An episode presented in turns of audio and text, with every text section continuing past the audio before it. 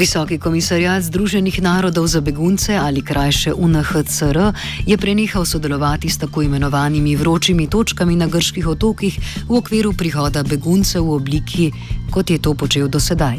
Odločitev komisarjata prihaja zaradi ugotovitve, da tamkajšnje vroče točke od pričetka implementacije dogovora med Evropsko unijo in Turčijo za begunce vse bolj postajajo zapori. Zaradi tega bo dotična organizacija ohranila sodelovanje le v obliki zagotavljanja nujne pomoči in beleženja tamkajšnjih razmer spoštovanja človekovih pravic, ne bo pa več sodelovala pri premeščanju beguncev. Več o spremembi, ki je tej odločitvi botrovala, pojasni Kitidi iz UNHCR v Atenah. Well, the main change that we see now is uh, the restriction of movement. I mean, uh, uh, these are closed centers where the people don't have the freedom to uh, to to leave uh, uh, whenever they wish, and uh, this character of the centers uh, is also linked to, the decision of the um, return of the people. Uh, so, and UNHCR, as you may know, is not participating in any form of return of people in need of international protection uh, away from Greece. So this is one of the, the main characteristic of these centers. Now, as regards the general living conditions that existed in the hotspot before the decision was taken and before the start of its implementation, uh, we see that um, there was an effort for better coordination, which was something that UNHCR was asking, and uh, there was an effort to uh, to better, let's say, uh, increase uh, the accommodation capacity to strengthen it. But of course, there were a, a lot of challenges uh, for which UNHCR uh, and other organizations were working on, like, for example, the improvement of distribution, the cleaning, the waste management. Uh, this role of UNHCR will also stop in the framework of the new center, like, for example, all activities that have to do with uh, water sanitation and hygiene.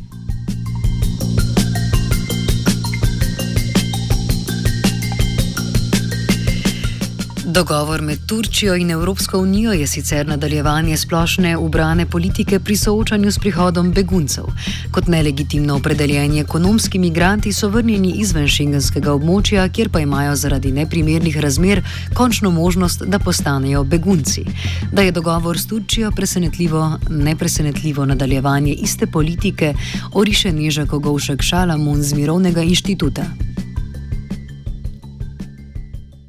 Da bodo postali in ostali begunci v mnogo slabših razmerah, kot bi bili, če bi bili begunci v Evropi. To je popolnoma jasno, ker vsa ta taborišča, ki so uh, recimo nastala na Bližnjem vzhodu, v Turčiji in tako naprej, tam so razmere bistveno slabše kot recimo v nastanitvenih centrih v Evropi, kamor so ti isti begunci poskušali priti, dokler se uh, balkanska pot ni povsem zaprla.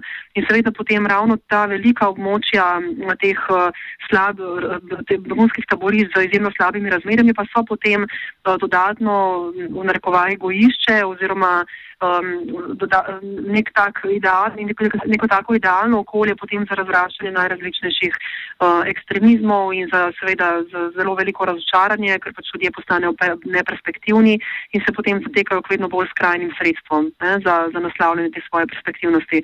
Kar se tiče Evrope in njenih politik, v bistvu lahko v zadnjem času in seveda držav članic, ne, lahko v zadnjem času opazujemo samo vedno več istega, ne, se pravi, po, po, pogrešamo nek resnično ta globok razmislek o celotni situaciji, o naslavljanju vzrokov tega problema, eh, namesto tega pa, pa opazujemo samo vedno več istih ukrepov in kot smo videli v zadnjem času, tudi vedno več ukrepov, ki so bili še pred nekaj leti nezamisljivi. Še nekaj let nazaj si da nimo nihče ni mogel zamisliti, da bi kdorkoli razglasil Turčijo kot tretjo varno državo ali varno državo izvora, eh, kar pa se dogaja točno v teh dneh.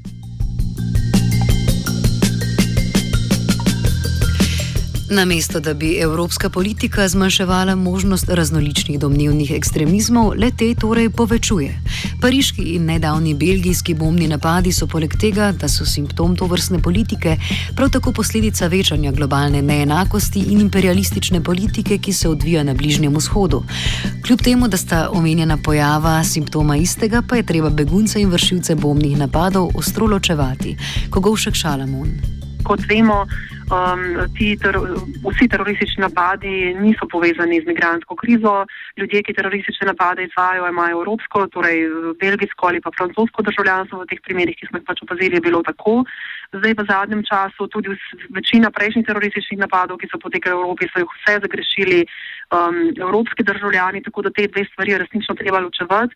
In jaz bi rekla, da gre uh, za dva različna, torej da gre pri begunski krizi in pri terorističnih napadih za dva različna simptoma istega problema. Pa, ta problem pa je seveda v tej uh, grozoviti neenakosti, ki vlada v svetu in v tem stalnem izkoriščanju zahodnega sveta, torej strani zahodnega sveta proti vzhodu in proti jugu. Ne? In različne imperialistične politike se izvajajo na, konkretno recimo na Bližnjem vzhodu, kot vemo je Sirija presečišče globalnih gospodarskih interesov, zlasti ZDA in pa Rusije. In uh, seveda so potem, uh, ne, begunska kriza pa je seveda neposredni rezultat tega, to, to je zdaj že, upam, da jasno. Ne. Zdaj, teroristični napadi so hkrati seveda od, od, odraz krepitve skrajnih, uh, skrajnih skupin na tem istem bližnjem vzhodu. Te skupine pa se seveda uh, hranijo ne, v tem metaforičnem smislu uh, prav z, uh, s pomočjo konfliktov, ki jih sprožajo vele sile na tem področju. Ob napadih, kot so se zgodili v Belgiji, se sicer na široko govori o napadu na Evropo in evropske vrednote, če tudi je ta, glede na dosedanjo zgodovino, močno skopa pri človekovih pravicah, kar je vidno tudi v že omenjenem dogovoru s Turčijo in zapiranju balkanske poti, kako pa ki le nadaljuje ekstern, eksternalizacijo mejne kontrole. To sta dve, spet dve plati istega kovanca, se pravi. Jasno je že kar nekaj časa, da, je, da, da so človekove pravice, svoboda, varnost in tako naprej, predvsem deklaratorne vrednote v smislu varnosti za vse, ne, ne samo varnosti za evropske državljane, da so to v glavnem deklaratorne vrednote. Vemo, da Evropska unija ni nastala z, z namenom varovanja človekovih pravic, nastala je iz ekonomskih in finančnih interesov in človekove pravice so šele s časoma pričele dobivati veljavo v različnih dokumentih EU. Hkrati pa seveda zelo pogrešamo veljavo tudi v praksi ne? in tukaj kar naprej šepajo politike uh, Evropske unije, ker pač je razkorak med uh, dokumenti in prakso uh, zelo pogosto zelo velik oziroma, če sem še natančnejša, Evropska unija niti nima veliko pristojnosti na področju človekovih pravic in zato je treba biti toliko bolj pozoren, kadar sprejema politike, ki pa imajo učinke. Eh, na to področje človekovih pravic, zato ker enostavno na to doslej ni bila tako zelo pozorna. Recimo tudi sodišče Evropske unije uh, mnoga leta ni imelo nobenega upravka z varstvom človekovih pravic, kar, so, kar je bolj ustavna kategorija, mednarodno pravna kategorija, pač pa se je ukvarjalo v glavnem z varstvom enotnega trga, ne, prostega gibanja oseb in tako naprej. Ne. Tako da vse te institucije se šele prilagajajo tej novi realnosti, ko Evropska unija vstopa kot pomemben igralec tudi na Eh, na polje človekovih pravic. Ne.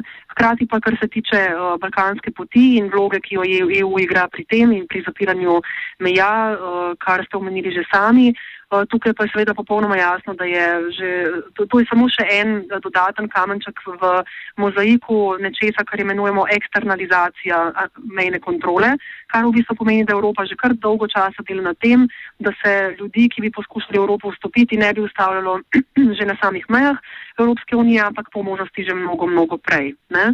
In um, Eh, to mnogo, mnogo prej smo lahko opazovali že ob eh, postavitvi ograje recimo v Severni Afriki, ne, na robu teh enklav, eh, ki jih ima Španija, poleg Maroka, Tunizije in tako dalje. Tam je to najbolj razvidnost in da v zadnjem času so, te, so se te stvari malo umaknile v ozadje, ker smo pač lahko bolj intenzivno opazovali uh, balkansko pot. Ne. Zdaj, ko, je, ko se je eksternalizacija migracijskega toka zgodila tudi tukaj z zaprtjem meje uh, med Grčijo in Makedonijo, pri čemer je paradoksno seveda, da, ne, da je Grčija tudi v šengenskem območju, tako da so se vloge tukaj malo obrnile. Uh, ampak to je v bistvu edini, uh, to, to je v bistvu ista, uh, ista zgodba. Ne? Se pravi, ker EU ni mogla zapreti recimo meje na morju, ker je to pač fizično nemogoče, jo je, jo je pač sklenila kompromis, Grčijo de facto izgnala iz šengenskega območja in pač postavila mejo potem na prvi naslednji državi, ki meji na Grčijo na kopnem, ne? ker pač edino na kopnem je mogoče postavljati zidove, na morju tega ne moreš storiti. Ne? Uh, tako da tisti, ki pač se ukvarjamo s tem, s tem uh, vprašanjem že dolgo časa, v bistvu ne vidimo veliko razlik, ne? vidimo samo še več istega, še več istih politik, samo, še, samo krepitev tistega, kar je bilo zastavljeno že pred uh, več kot dvemi desetletji in uh, seveda tudi hkrati pa več čas opozarjamo na te iste probleme, ki se zaradi tega pojavljajo in se bodo zdaj v prihodnje še krepili. Tudi zato, ker se krepi neka nestabilnost v svetu, ker pač nastajajo nova krizna, krizna žarišča zelo blizu Evrope in je seveda potem za Evropa temu tudi dosti bolj izpostavljena, kot je bila prej. A problema pri manjku implementacije človekovih pravic ne gre gledati kot posledico premajhnega zavedanja o tovrstnih problemih, temveč gre za strukturno povezanost z globalnim kapitalističnim redom. Vsekakor se mi zdi zelo koristno, da se opozarja na to, da je v bistvu ta koncept izjemnega stanja izjemno, zelo uporaben ne, za kakršno koli omejevanje človekovih pravic. Pravi, da ne gre za neko neizobraženost, ne, recimo državnih ali pa evropskih uradnikov, ali pa da ne gre za premalo osveščenosti, ampak gre pač enostavno za sistem, eh, ki ni narejen za to, da služi človekovim pravicam, ampak da služi Eh, drugim, eh, drugim vrednotam, da tako rečemo. Naj, pač najpomembnejša od teh vrednot je seveda uh, svetovni kapitalistični red uh, in pač ne, sredstva, ki jih, ima, ki jih imajo v svojih rokah kapitalistične elite ne, v, v Evropi. Pa to ne velja seveda samo za Evropo, ampak za celoten zahodni svet, tudi druge celine bi lahko tukaj vključili v to, v to debato. Tako da se z vami v tem smislu popolnoma strinjam, da, ne smemo, da nas ne sme zavesti to, da bi mogoče mislili, da gre za neznanje, ampak gre za, za strukturni položaj, ki seveda ima zelo jasne cilje. Ne? Da pretirana Eh, pretirano vključenost, eh, pretirano svoboda, pretirano sprejemanje, to bi vse zamajalo obstoječa družbena razmerja, ki pač temelijo v glavnem na, na kapitalu.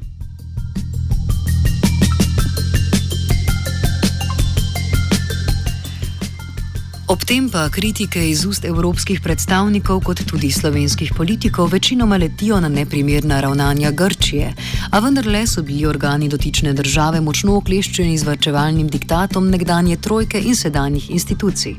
Drugi del problema pa je. Drugi del problema pa je to, da je bila Grčija vedno med najbolj izpostavljenimi državami v EU, um, kar se tiče prihoda uh, novih uh, skupin migrantov in beguncev, podobno kot recimo Južna Italija. In tudi tako kot Grčija danes ne zmore sprocesirati, ne, v narekovajih rečeno malo, ne, um, vseh ljudi, ki pridejo na njeno ozemlje, kot tudi Italija, recimo uh, v preteklih letih ni bila zmožna sprocesirati vseh ljudi, ki so prišli na njeno ozemlje, ker je pač to resnično velik zalogaj za vsako državno administracijo in jaz sem pripričana, da se tudi slovenska administracija ne bi obnesla nič bolje. Tudi tukaj pri nas so težave, pa imamo na sto, po stokrat manj ali pa po tisočkrat manj beguncev kot recimo nekatere od teh držav. In tudi če primerjamo Nemčijo, ne, z Nemčijo, ki velja za vzorno urejeno evropsko državo z močnimi institucijami, z, z učinkovito upravo, tudi oni ne, ne zmorejo procesirati tako, veliko števil, tako velikega števila prošen za azil, kot ga prejemajo te dni oziroma kot so ga prejemali v preteklih mesecih. Ne. Tako da to so pač uh, stvari, ki so velik zalogaj za vsako administracijo, zato je eden od glavnih problemov, ki ga, ki ga pač slišimo in ki se ga izpostavlja ta, da je treba uh, grškim oblastem pomagati, če, če se od njih pričakuje tako veliko. Torej, če se pričakuje, da bodo uh, prej, prej samo registrirali in identificirali vsako osebo, ki pride, uh, sedaj pa govorijo celo o tem, da bo vsaka oseba ne, dobila individualno obravnavo, intervju, možnost pritožbe na morebitno zavrnitev prošnje za azil in tako naprej. In to zahteva ogrom, ogromne resurse in tukaj morajo če želimo uh, vse te stvari procesirati že v Grčiji in če želimo pač te tihotapske, ne, te tihotapske poti, ki potekajo potem naprej v Evropo, zaustaviti, potem je treba, treba tudi Grčiji pomagati v tem smislu. Tega no, nobena država ne more storiti sama. Offside je pripravil Tit.